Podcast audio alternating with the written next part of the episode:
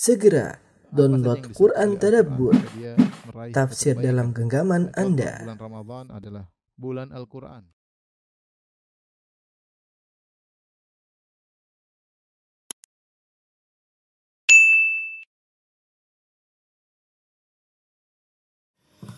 Bismillahirrahmanirrahim. Assalamualaikum warahmatullahi wabarakatuh. Alhamdulillahi ala ihsani wa syukru lahu ala taufiqihi wa amtinani wa asyhadu an la ilaha illallah wahdahu la syarika lahu ta'ziman li wa asyhadu anna Muhammadan abduhu wa rasuluhu da'ila ridwani. Allahumma salli alaihi wa ala alihi wa ashabi wa ikhwani. Uh, ikhwan akhwat bapak ibu Allah Subhanahu wa taala, kita masih terus membahas tentang kaidah-kaidah Quran yang terkait dengan kehidupan pribadi maupun uh, interaksi dengan masyarakat atau yang lainnya. Sampai pada Al-Qaidah Al-Hadiyah wa Thalathun, kaidah ke-31 yaitu firman Allah Subhanahu wa taala wa ashiruhunna bil ma'ruf dan pergaulilah mereka yaitu para istri bil ma'ruf dengan cara yang yang baik ya. Uh, kita tuliskan ayatnya ya. Wa ashiruhunna bil ma'ruf. Artinya adalah pergaulilah mereka para istri bil ma'ruf dengan cara yang baik. Uh, tentunya ini adalah perintah dari Allah Subhanahu wa taala. Di sini Allah menggunakan fi'il amr ya wa ashiruhunna ini fi'il amr. Fi'il amr yaitu perintah. Jika seorang statusnya sebagai suami, maka wajib bagi dia untuk bergaulilah istrinya, bergauli istrinya dengan cara uh, dengan cara yang baik ya. Dan di sini cara yang baik ya. Kalau kita membaca perkataan para ulama insya Allah nanti akan kita bacakan ya. Sini umum mencakup kebaikan apa pun dalam pergaulan ya, umum ya. Uh, umum ya. Atau dengan, eh, dengan cara yang baik dengan cara yang baik yang sesuai dengan tradisi masyarakat ya. Kebaikan seperti apa? Dan di sini juga ketika Allah mengatakan wa asyuruhunna pergaulilah para istri, di sini tidak disebutkan uh, dalam uh, apa namanya sisi tertentu sehingga mencakup ya mencakup seluruh sisi kebaikan ya, sisi kebaikan ya, sisi kebaikan. Jadi uh, kita akan lihat ternyata para ulama ketika membahas hal ini mereka menyebutkan wa asyiruhunna bil ma'ruf pergaulilah para istri dengan cara yang baik. Mereka sebutkan ya baik perkataan yang baik kemudian mencakup perbuatan perbuatan kemudian juga mencakup misalnya penampilan. Mereka sebutkan secara detail hayah ya penampilan kemudian masuk uh, misalnya nafkah. Nafkah lahir batin ya. Ya. Uh, disuruh untuk melakukan kebaikan dalam perkataan maupun perbuatan maupun penampilan maupun nafkah lahir uh, dan batin. Dan semua ini kalau kita lakukan ya maka mendatangkan pahala yang besar. Oleh karenanya saya ingatkan diri saya pribadi dan juga para rekan-rekan ikhwan ikhwan yang statusnya sudah sebagai suami kalau jomblo ya nanti nanti habis nikah dulu baru tahu ya. Kalau statusnya sudah sebagai suami maka kesempatan bagi dia untuk mencari pahala yang banyak dengan ber, ber, berumah tangga dengan kehidupan berumah tangga ya. Di antara caranya adalah dengan berakhlak yang baik kepada istri baik dalam perkataan, dalam perbuatan, dalam penampilan maupun nafkah lahir dan batin. Oleh karenanya Rasulullah SAW meletakkan al-khairiyah keterbaikan seseorang pada sikapnya terhadap istrinya. Kata Nabi SAW, khairukum khairukum li ahlihi wa ana khairukum li ahli. Kata Nabi SAW, sebaik-baik kalian adalah uh, yang terbaik bagi istrinya dan aku adalah suami yang terbaik. Sebaik-baik kalian adalah yang terbaik bagi istrinya dan aku adalah suami yang yang terbaik. Maka seorang suami bisa meraih keterbaikan di sisi Allah. Dia menjadi hamba Allah yang terbaik. Caranya dengan uh, berakhlak mulia kepada kepada istrinya. Saya akan bacakan perkataan Ibnu Katsir rahimahullahu taala terkait dengan ini. Kata Ibnu Katsir rahimahullah dalam tafsirnya, wa ashiruhunna bil ma'ruf, pergaulan mereka dengan cara yang baik, ai tayyibu aqwalakum lahunna, yaitu perbaikilah atau baguskanlah perkataan kalian dengan mereka. Artinya kalau seorang suami berbicara dengan istrinya, pilih kata-kata yang baik. Ini dia menjalankan perintah Allah. Wa ashiruhunna bil ma'ruf. Dia tidak asal ngomong, tidak asal ceplas-ceplos. Dia pilih kata-kata yang yang baik ya. Kata-kata yang yang indah, yang menyenangkan istrinya yang apa namanya uh, menenteramkan istri, istrinya tidak asal tidak asal berbicara ya tapi uh, ucapkan kata-kata yang yang baik ya uh, makanya dalam hadis yang lain Rasulullah SAW berkata wala tuqabbih jangan uh, mentakbih yaitu menjelek-jelekan istri dengan mengatakan misalnya uh, mencela wajahnya mencela uh, fisiknya ya jangan jangan jangan mengucapkan kata-kata yang menunjukkan dia apa memburukkan dia. Oleh karenanya seorang suami ketika berbicara hendaknya dia pilih kata-kata agar dia dapat pahala. Kemudian juga kata Ibnu Katsir wa hasinu af'alakum wa hayatikum bihasabi qudratikum. Kemudian indahkanlah perbuatan kalian ya. Kata-kata yang eh, sikap juga perlu, sikap yang lembut, mesra, eh, misalnya mengecup keningnya atau uh, mengusap kepalanya atau meluknya hal-hal yang uh, menciumnya keseharian. Uh, tapi kalau rutin pahala ngalir terus, ya, pahala ngalir terus. Apalagi kalau kita niatkan untuk menjalankan perintah Allah. Allah yang suruh, Allah yang suruh, ya, yang merintahkan hal ini. Wahai atikum juga penampilan kalian di hadapan istri kalian ya. Uh, kita juga berhias atau bukan berhias tapi apa namanya perbaiki penampilan di hadapan istri. Istri tentu ingin lihat suaminya juga berpenampilan baik. Jika dia tidak suka misalnya suaminya pakai baju warna tertentu di rumah, nurut aja ya. Saya nggak suka lihat kamu pakai baju warna ungu misalnya. Kenapa? Karena kayak bencong misalnya. Sudah jangan pakai misalnya. Saya tidak suka lihat kamu pakai baju warna uh, coklat misalnya. Kenapa? Kayak kampungan. Ya sudah. Selama itu tidak melanggar syariat dan ini bukan kaitannya dengan penampilan di luar di rumah ya. Kita nurut aja. Nah, kita meng, me, me, me, apa, melakukan penampilan yang disukai oleh oleh istri. Ini juga dapat pahala. Tentunya kata Ibnu Katsir rahimahullah taala bihasabi kudratikum sesuai dengan kemampuan kalian. Ya. Uh, kemudian kata Ibnu Katsir rahimahullah taala kama tuhibbu dzalika minha sebagaimana engkau suka dia berkata-kata yang baik, berpenampilan yang baik, berhias untuk dirimu, fafal anta biha mislahu, maka lakukan engkau itu juga terhadap istrimu. Karena ini telah ditunjukkan oleh firman Allah walahunna mithlul ladzi alaihinna bil ma'ruf. Dan wanita punya hak sebagaimana hak lelaki wanita punya hak terhadap suami sebagaimana suami punya hak terhadap lelaki eh suami punya hak terhadap istri bil ma'ruf sebagaimana kau ingin dia baik sama kamu kamu juga baik sama uh, sama dia. Tapi saya bacakan perkataan Ibnu setelah itu menjelaskan tentang bagaimana hal ini dipraktikkan oleh Nabi sallallahu alaihi wasallam. Nabi yang berkata, khairukum khairukum li ahlihi wa ana khairukum li ahli.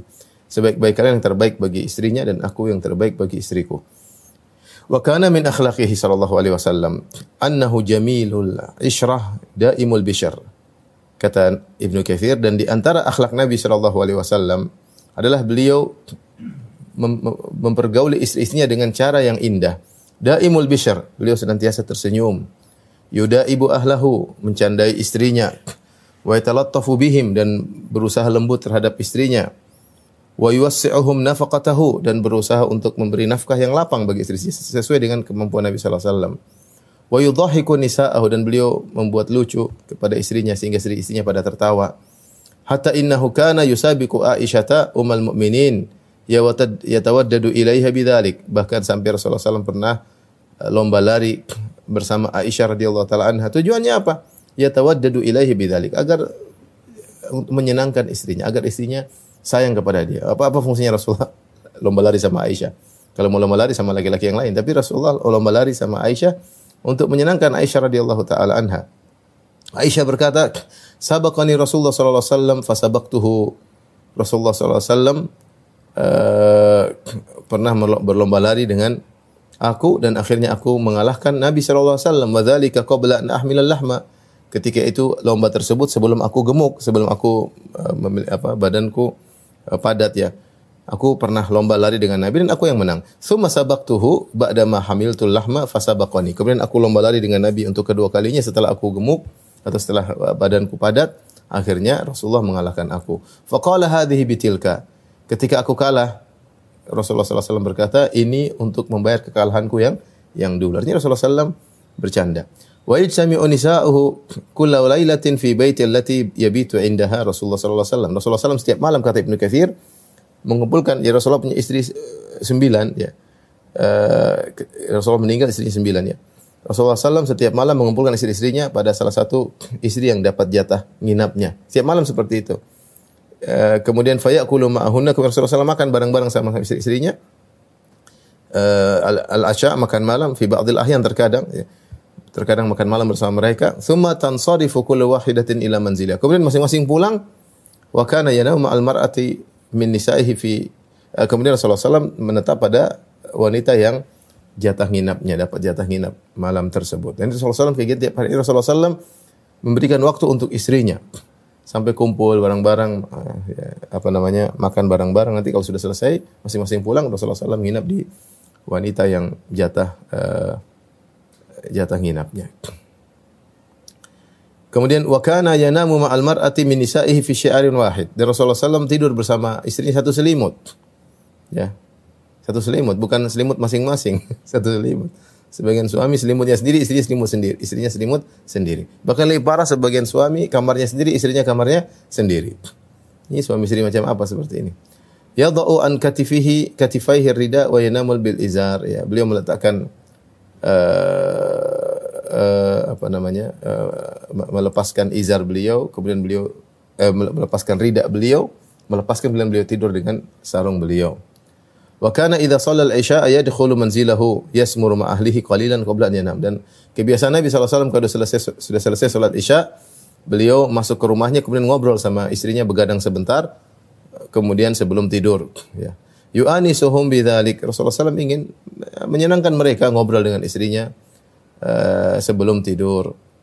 Uh, wa qad qala Allah Ta'ala dan Allah Ta'ala berfirman, "Laqad kana lakum fi Rasulillahi uswatun hasanah." Sungguh pada diri Nabi sallallahu alaihi wasallam ada teladan yang baik bagi kalian. Oleh karenanya ini uh, apa namanya perkataan singkat dari Ibnu Katsir rahimahullah taala tentang bagaimana akhlak Nabi terhadap istri-istrinya yang mestinya kita contohi ya dan dan setiap kita mencontohi kita dapat pahala. Kita menjalankan perintah Allah Subhanahu wa taala dan kita mencontohi Rasulullah sallallahu alaihi wasallam. Uh, kemudian saya bacakan juga uh, perkataan Al-Qurtubi ya. Al-Qurtubi beliau berkata ya. Uh, Fa'amar Allah ya ashiruhunna bil ma'ruf ketika beliau menafsirkan ayat ini wa ashiruhunna bil ma'ruf bergawilah para istri dengan cara yang baik. Fa'amar Allah subhanahu subhanahu bi husni suhbatin nisa idza aqadu alaihinna litakuna udmatu ma bainahum wa suhbatum alal kamal. Kata beliau, Allah Subhanahu wa taala memerintahkan bagi para suami untuk berbuat baik dalam mempergauli para istri. Jika suami sudah uh, melakukan akad nikah, maka hendaknya bergauli istrinya dengan cara yang baik agar kehidupan rumah tangga mereka, tali rumah tangga mereka dalam kesempurnaan. Kita ini kan hidup sama wanita lama ya. Bisa jadi puluhan tahun, bisa sampai mati kita hidup sama dia. Maka kita berusaha agar uh, bisa menjalani kehidupan rumah tangga dengan dengan sempurna. Tentunya tidak akan sempurna, tapi kita berusaha menuju kesempurnaan. Dan caranya adalah dengan kita menjalankan perintah Allah Subhanahu wa taala dengan berusaha berbuat baik kepada istri kita dengan mengharap pahala dari Allah Subhanahu wa taala. Kemudian kata Al-Qurtubi rahimahullah taala, "Fa innahu ahda'u li nafs." Sungguhnya dengan cara kita berbuat baik kepada istri, sabar dengan mereka, bertutur kata yang lembut, bersikap yang baik, mencari pahala dari si Allah dengan berbuat kepadanya, dengan tidak pelit kepada mereka, ngobrol dengan mereka. Ahda'u li nafs. Ini lebih menenteramkan hati. Kalau kita bisa ngobrol sama istri kita, kita tentram nyaman di rumah ketemu orang, kita rindu ketemu dengan dia, eh, kita bertutur kata, bercanda sama dia, tertawa-tawa dengan dia, eh, ngobrol ngalur ngidul dengan dia. Ini kan kita lebih tentram. Ahda nafs. Karena kita menjalankan perintah Allah, kita yang dapat keuntungannya di dunia. Kita dapat ketentraman. wa ahna lil aish dan akan mendapatkan kehidupan yang lebih menyenangkan. Wa hadza wajibun ala zauj. Kata Al-Qurtubi ini wajib bagi suami. Wajib bagi bagi suami. Kemudian beliau menukilkan juga waqala ba'dhum dan sebagian ulama berkata, huwa an yatasanna'a laha kama tas- tatasanna'u lahu. Yaitu seorang suami berusaha berusaha berbuat baik berpenampilan baik, bertutur kata yang baik, berusaha. Jadi bukan bukan cuma mengalir begitu saja, dia berusaha. Jadi memaksa dirinya untuk bertutur kata yang baik. Bukan ah, saya bergaul seadanya. Enggak, enggak seadanya. Allah suruh kamu berusaha. Jadi berkata-kata yang baik berusaha. Pilih kata-kata yang baik. Kalau tulis WA, SMS hati-hati ini sering apa eh, salah pengertian. Pilih kata-kata yang baik sebagaimana kita pandai kalau lagi di grup sama teman-teman kita pandai untuk memilih kata-kata yang baik. Yang sama istri juga gitu, kita pilih kata yang baik ya. Pujian-pujian kepadanya ya. Sebagaimana tatasonna ulahu sebagaimana istri juga berbuat berusaha men- men- men- mencari eh, kecintaan suaminya. Wanita biasanya begitu, artinya wanita berhias, du- buat buat suaminya. Berhias dia masak yang yang yang, yang enak, kemudian dia merapikan diri sebelum suaminya datang, dia per- perbaiki tempat tidur itu dia berusaha untuk menyenangkan suaminya. Nah, sebagaimana istri berusaha menyenangkan suami, suami juga berusaha menyenangkan apa? Menyenangkan istri. Jadi bukan bergaul seadanya, enggak. Seadanya bukan itu bukan itu yang diperintahkan oleh Allah. Allah perintahkan untuk berusaha. Tatasanna anta yaitu engkau berusaha melakukan perbuatan-perbuatan yang menyenangkan istri. Qala Yahya bin Abdurrahman Al-Hanzali berkata Yahya bin Abdurrahman Al-Hanzali Ataitu Muhammad bin Han- Al-Hanafiyah. Aku mendatangi Muhammad ibn Al-Hanafiyah.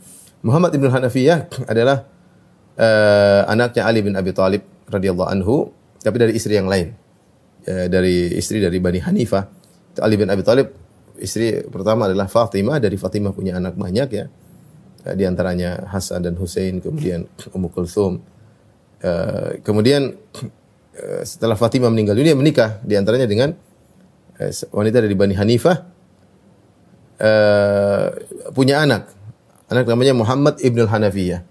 Makanya tidak disebut dengan Muhammad bin Ali untuk membedakan Muhammad bin Ali eh, karena dia dari ibu yang lain bukan dari Fatimah.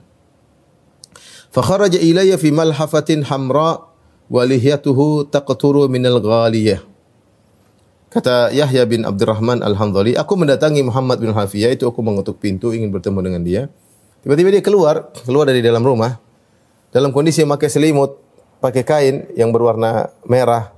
Bukan bukan bukan kainnya laki-laki. Ya, laki-laki suka nggak suka warna merah, sukanya warna biru atau hitam atau putih ya. Tapi ini apalagi buat tidur yang yang suka dengan warna-warna seperti ini kan ungu, merah itu perempuan ya.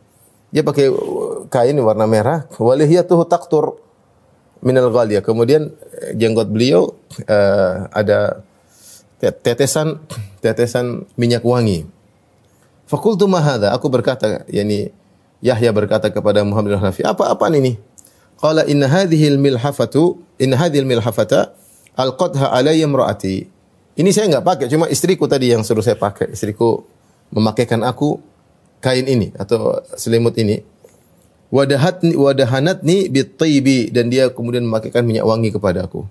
Wa innahunna yashtahina minna ma nashtahihi minhunna. Dan sungguhnya para wanita itu suka dari kita apa yang kita suka dari dari dia. Sebagaimana kita suka wanita berhias, harum. Istri juga begitu, suka suaminya juga berhias, harum.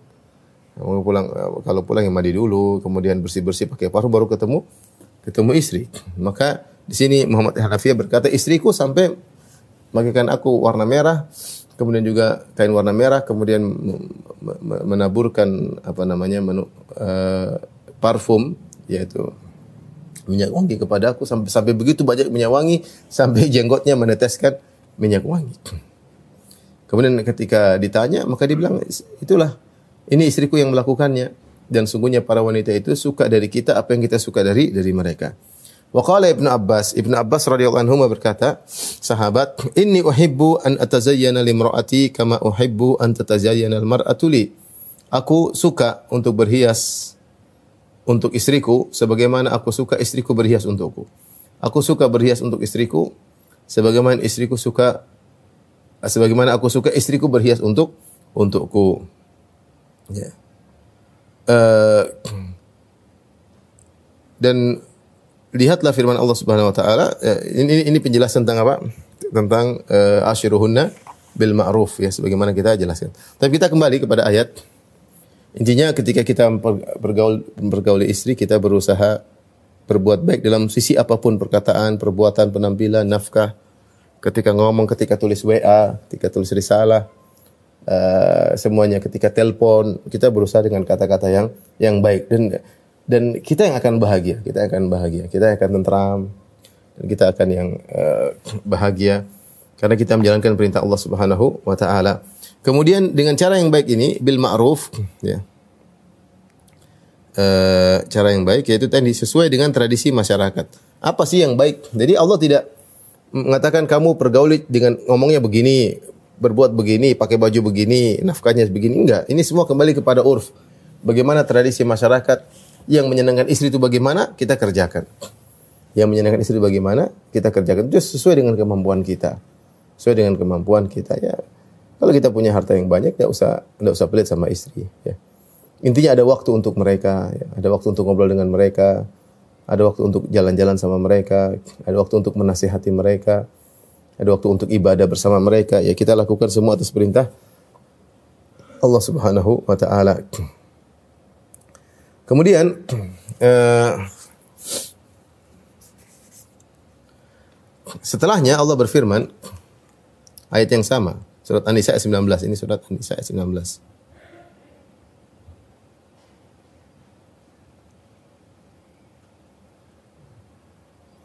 Allah berfirman setelah itu, wa in karihtumuhunna. Lanjutan ayat ini. Jadi kata Allah, wa ashiruhunna bil ma'ruf. Pergaulilah mereka dengan cara yang baik. Fa in karihtumuhunna, jika kalian benci dengan mereka, dengan istri, mungkin akhlaknya kurang bagus, mungkin wajahnya kurang cantik, mungkin kulit kulitnya kurang bersinar. Fa'asa an takrahu syai'an bisa jadi kau ben, kalian benci kepada sesuatu wa yaj'alallahu fi khairan katsira dan Allah menjadikan kebaikan di balik kebencian kalian tersebut kebaikan yang banyak. Subhanallah kata Allah, fa in karihtumuhunna jika kalian uh, benci kepada mereka bisa jadi fa'asa an takrahu syai'an bisa jadi kau benci kepada sesuatu ternyata wa yaj'alallahu fi khairan katsira Allah jadikan pada yang kau benci tersebut banyak kebaikan. Ini kaidah sudah pernah kita singgung dan pernah dibahas sebelumnya yaitu uh, firman Allah Subhanahu wa taala wa asa an takrahu syai'an wa huwa khairul lakum bisa jadi kau benci sesuatu ternyata baik bagimu dan wa asa an tuhibbu syai'an wa huwa syarrul lakum. Dan bisa jadi kau cinta kepada sesuatu ternyata buruk bagimu.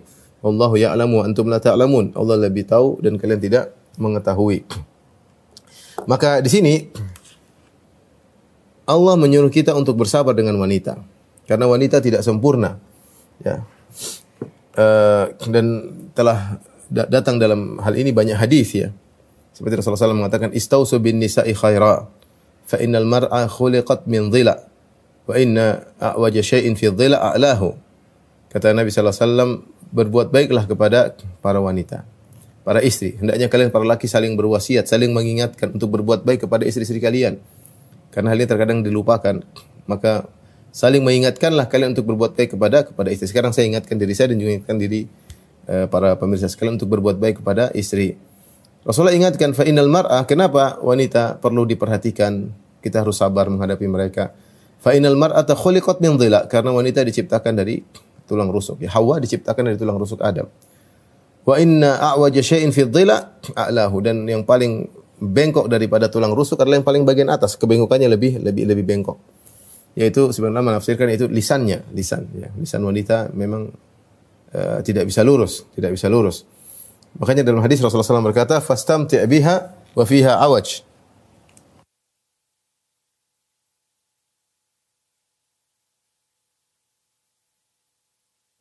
Kata Nabi SAW, bersenang-senanglah dengan wanita dan tetap ada kebengkokan pada dirinya. Ya. Maka Rasulullah mengatakan, Eh, fa in dhahabta kasartahu. Kalau kau ingin meluruskan tulang rusuk gak bisa. Kau ingin luruskan pasti patah. Eh, Langsung bengkok, meluruskan pelak patah, nggak bisa. Crack patah. Terus bagaimana? Ya sudah istamti' biha wa biha awaj. Maka bersenang-senanglah. Nikmatilah wanita tersebut, bergaul dengan dia, bercumbu dengan dia, ngobrol dengan dia dan dia punya kekurangan yang tidak bakalan tidak bakalan hilang ya. Oleh karenanya jika uh, seorang benci dengan istrinya, ya, saya bacakan perkataan Al-Qurtubi, Fa in jika kalian benci kepada istri kalian lidamamatin karena buruk eh, penampilannya ya. Mungkin keburukan ada aja ya. Mungkin eh, badannya yang kurang bagus ya, atau wajahnya yang kurang cantik atau aroma tubuhnya yang tidak menarik. Atau su'i atau memiliki akhlak yang jelek. Mungkin kalau emosi angkat-angkat suara eh, kalau emosi banting-banting piring misalnya. Min ghairi tika min ghairi irtikabi fahishatin aw nusyuz selama tidak melakukan dosa besar misalnya tidak zina atau yang lainnya atau tidak eh, membangkang kepada suami ya fahada yundabu fihi ila ihtimal maka seperti ini dianjurkan untuk bersabar Fa'asa an ya'ula al-amru ila an yarzuqahu Allah minha auladan salihin. Semoga Allah Subhanahu wa taala ya eh, dengan kesabaran sang lelaki Allah akan menganugerahkan anak-anak yang soleh dari wanita tersebut. Dari wanita ya ter, tersebut ya. Kultu kata eh, Al-Qurtubi wa min hadzal makna terkait dengan makna ini ma warada fi sahih Muslim itu hadis yang terdapat datang dalam sahih Muslim terkait dengan makna ini. An Abi Hurairah radhiyallahu anhu qala dari sahabat Abu Hurairah beliau berkata qala Rasulullah sallallahu alaihi wasallam bersabda la yafraq mu'minun mu'minah in kariha minha khuluqan radiya minha akhar. Janganlah seorang suami yang mukmin membenci istrinya yang mukminah. Kalau dia benci perangai satu perangai dari istrinya, dia akan mendapati perangai yang baik lain dari istrinya. Ya. Eh, maknanya aila yubghidha bughdan kulliyan yahmiluhu ala firaqiha. Itu jangan benci dia dengan kebencian yang totalitas sehingga akhirnya menceraikannya, ya. Bal yaghfiru sayyiati sayyi'ataha li hasanatiha wa yataghadha amma yakrahu lima yuhibbu. Hendaknya dia memaafkan kesalahan wanita tersebut karena ada kebaikannya juga. Dan hendaknya dia menutup mata dari kesalahan istrinya karena kebaikan yang dimiliki oleh oleh istrinya. Jadi ada kondisi Allah mengingatkan bisa jadi kalian benci kepada istri kalian. Itu mungkin terjadi karena kita tahu bahwasanya tidak ada yang sempurna. Tidak ada yang yang sempurna. Uh, kita mengharapkan ekspektasi yang tinggi kepada seorang wanita ternyata banyak kekurangannya. Ketika melamar banyak informasi katanya begini ternyata tidak seperti itu. Dan itu sangat mungkin terjadi. Sangat mungkin terjadi ya. Kita menyangka dia sudah ngaji, mungkin sudah pakai cadar, sudah ternyata tidak seperti yang kita bayangkan ya. Demikian juga laki juga demikian sama saja ya. ya. Kita kalau dia bicara tentang agama, masya Allah selama ini kalau WhatsAppan bicara tentang agama luar biasa, tapi ketika hidup bersama ternyata tidak seperti yang uh, dibayangkan. Karena memang tidak ada yang sempurna. Sempurna hanyalah di surga. Di, di surga. Syekh Abdul Razak berapa kali saya dengar dia ceramah ya. Cerita tentang seorang anak muda yang mengeluhkan istrinya kepada Syekh bin Bas rahimahullah. Maka Syekh bin Bas kemudian menjawab lewat telepon dia mengatakan ya ibni wahai putraku ma fi hurul in fid dunya. Tidak ada bidadari di dunia. Dunia enggak ada bidadari. Bidadari hanya di di surga. Oleh karenanya Allah Subhanahu wa taala mentakdirkan demikian. Semua kenikmatan dunia pasti ada kekurangannya, pasti terkontaminasi dengan sesuatu yang tidak kita senangi, apa pun bentuknya mau rumah, mau mobil, mau istri, mau apa pun. Sehingga selalu ada kerinduan kita untuk uh, pergi ke alam lain yang penuh dengan kesempurnaan itu alam uh, alam akhirat, alam surga. Oleh karenanya ketika kita sadar bahwasanya istri kita tidak sempurna, maka kita lebih bersabar dan dan di balik kesabaran kita itu insya Allah akan mendatangkan kebaikan yang banyak. Ini menakjubkan ya. Allah mengatakan fa in karihtumuhunna jika kalian tidak suka dengan istri-istri kalian, fa asa an takrahu syai'an bisa jadi kau benci sesuatu wa yaj'allahu fihi khairan katsiran dan Allah menjadikan di balik apa yang kau benci tersebut ya uh, kebaikan yang banyak, kebaikan yang banyak. Dan banyak ahli tafsir menafsirkan ini perkataan Ibnu Abbas. Apa yang Allah maksudkan berikan kebaikan yang banyak kepada istri yang kau benci tersebut? Wa huwa an ya'tifa 'alaiha fayarzuqa minha waladan. Ya, yaitu uh, wa yakunu fi dzalikal walad khairun katsir. Dia bersabar dengan istrinya, kemudian dia gauli istrinya, akhirnya istrinya punya anak, ya, dan dia melakukan itu semua karena Allah. Maka anaknya insya Allah anak yang yang baik, anak yang soleh, yang akan mendatangkan banyak kebaikan bagi dia di dunia maupun di di akhirat. Jadi sabar saja. Dan sebagian ulama membawa, membawa bahwasanya setiap kita bersabar Allah akan berikan kebaikan yang banyak. Berarti dosanya eh, apa pahalanya banyak di akhirat. Menunjukkan kesabaran kita terhadap istri tidak sama dengan kesabaran terhadap orang lain. Ini eh, poin yang apa namanya? Poin yang penting. Jadi kita mungkin bersabar sama kawan, kita bersabar sama tetangga. Lebih utama kita bersabar sama istri. Pahala lebih besar. Makanya Allah mengatakan, "Fa in karitumuhunna fa asa an takrahu syai'an." Jika kau benci kepada istri kalian, bisa jadi engkau membenci suatu wa yaj'allahu fi khairan katsira. Allah menjadikan kebaikan yang banyak pada apa yang kau benci tersebut. Minimal seorang akan mendapatkan pahala yang besar di akhirat. Dengan kesabaran terhadap istrinya, perang yang dia tidak sukai, dia sabar, dia tenang, dia nasihati berulang-ulang ya. Ya. Ini menunjukkan bahwasanya sabar terhadap istri tidak sama dengan sabar terhadap yang lainnya, pahalanya berbeda. Ya. Karena istri adalah orang yang diperintahkan untuk kita baik kepadanya. Dia, dan di balik rumah tangga ini akan banyak eh, kebaikan yang yang lain akan muncul bibit-bibit dari untuk kaum muslimin ya. Kemudian eh, kita menjaga kehormatannya ya. Kita memberi nafkah kepadanya ya. Sehingga sabar terhadap istri pahalanya lebih daripada sabar terhadap yang yang lainnya. Karena Allah mengatakan wa ja'allahu fihi khairan katsira. Allah jadikan kebaikan yang ya, ya, ya, yang banyak pada perkara yang kau benci tersebut. Terlebih lagi kalau ternyata dari pernikahan tersebut kemudian menghasilkan anak yang soleh, anak yang soleh, yang menyejukkan pandangan mata ya. Ini banyak terjadi, banyak terjadi seorang lelaki sabar dengan istrinya yang mungkin uh, kurang dia cintai ya, tapi dia sabar akhirnya uh, menganugerahkan anak yang soleh. Ya. Saya pernah ketemu dengan seorang, dia menyesal menikah. Dia bilang sama saya, ketika saya mau menikah dia bilang, ya Firanda, kamu kalau nikah lihat dulu ya, lihat dulu. Kenapa? Dia bilang, saya dulu menikah tidak lihat ya. Dia menyesal. Tapi subhanallah anaknya, anak dari pernikahan mereka berdua, anak yang sangat soleh. Dan saya tahu lelaki tersebut tidak menceraikan istrinya dan dia sabar dengan istrinya. Dan sebelah anaknya, uh, anaknya sangat sangat soleh. Kalau saya mau bilang anaknya mungkin antum pada tahu, tapi saya nggak perlu kasih tahu. Tapi intinya uh, dengan kesabarannya Allah menganugerahkan anak yang soleh dari kesabaran uh, sang suami. Dan ini saya tahu bukan cuma satu dua orang, artinya ada beberapa orang yang saya tahu yang dengan kesabarannya ya, terhadap istrinya yang mungkin kurang menyenangkan dari sebagian perangai atau dari fisiknya yang kurang dia cintai ternyata menganugerahkan anak anak yang soleh.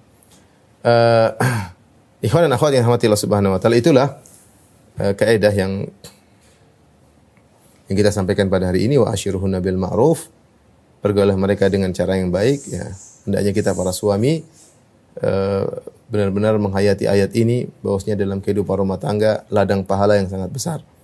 Ya sebagian suami alhamdulillah diberi anugerah dengan istri yang menyenangkan itu ya, dia punya pahala tersendiri ya. Tapi bagi sebagian suami yang diberi anugerah dengan istri yang terkadang kurang menyenangkan dari dari sisi akhlak dari sisi penampilan maka dia bersabar. Dia bersabar. Kalau dikatakan apakah dia boleh menceraikan boleh saja, tapi ada pilihan yang Allah berikan yang Allah anjurkan yaitu bersabar uh, dan di balik kesabaran tersebut dia akan mendapatkan pahala yang sangat besar. Baik, kita lanjutkan kaidah berikutnya, kaidah ke-32 insyaallah tidak lama ya. Firman Allah Subhanahu wa taala, "Walan yukhlifallahu wa'dah." Yang artinya dalam surat Al-Hajj ayat 47, Allah Subhanahu wa taala tidak akan menyelisihi uh, janjinya ya. Allah tidak akan menyelisihi janjinya. Ini kaidah uh, yang Allah sebutkan dalam banyak ayat. Inna Allah la yukhliful mi'at. Allah tidak akan menyelisihi janjinya. Walan yukhlifallahu wa'dahu. Allah tidak akan menyelisihi uh, janjinya ya. Uh, dan janji Allah banyak dalam Al-Qur'an. Janji Allah banyak dalam Al-Qur'an ya. Seperti Allah mengatakan in tansurullaha yansurkum. Jika kalian menolong Allah, menolong agama Allah, maka Allah akan menolong kalian wa tsabbit aqdamakum dan Allah akan memperkokoh memperkokoh kaki-kaki kalian dalam melawan musuh misalnya. Seperti juga Allah berfirman, "May yattaqillah ja'alahu makhraja." Siapa yang bertakwa, Allah akan berikan solusi, solusi baginya. Wa yarzuquhu min haitsu la yahtasib. Ya, dan Allah akan uh, memberi dia rezeki dari arah yang dia tidak sangka-sangka. Jadi Allah sangat banyak terkait dengan dunia maupun terkait dengan akhirat. Kalau akhirat jelas, ya. Karena itu hanya bisa kita ketahui ketika kita sudah di akhirat. Tapi janji Allah terkait dengan di dunia banyak ya. Banyak. Dan Allah telah berfirman misalnya, "Walaqad sadaqakumullahu wa'adahu istahussunahum biiznih." Tentang ketika perang perang Uhud. Di awal perang Uhud kaum muslimin mengalah- mengalahkan orang musyrikin. Dan Allah mengatakan, "Walaqad sadaqakumullahu wa'adah." Sungguh Allah telah me- memenuhi janjinya tatkala kalian mengalahkan mereka. Ya. Namun kemudian di tengah peperangan terjadi penyimpangan, terjadi eh, apa nama penyelisihan terhadap perintah Nabi Shallallahu Alaihi Wasallam dengan turunnya para pasukan memanah akhirnya banyak sahabat yang meninggal meninggal dunia. Namun secara umum Allah mengatakan walan yukhlifallahu wa'dah. Allah tidak akan menyelisihi eh, janjinya. Nah, eh, contoh juga seperti Allah pernah menyebutkan dalam surat Ar-Rum kata Allah, "Gulibatir Rum." Romawi terkalahkan. Fi adnal ardi wa hum min ba'di ghalabihim sayaglibun. Kata Allah, Romawi setelah kalah mereka akan menang. Fi bid'i sinin dalam beberapa tahun. Allah janji waktu itu terjadi peperangan antara Romawi dengan Persia. Ya. Kemudian Allah mengatakan wa hum min ba'di ghalabihim sayaglibun. Romawi nanti meskipun kalah dalam beberapa tahun mereka akan menang dan benar ternyata ini Allah sebutkan ini antara mukjizat Allah Subhanahu wa taala ternyata benar setelah beberapa tahun kemudian Romawi mengalahkan Persia. Romawi mengalahkan Persia ya. Allah mengatakan binasrillah yansuru man yasha. Dengan pertolongan Allah Allah menolong siapa yang Allah kehendaki wa huwal azizur rahim dan dialah yang maha perkasa lagi maha penyayang. Wa'dallah janji Allah la yukhlifullahu wa'dahu.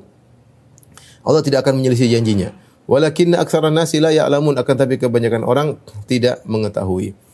Maksud saya ini kaidah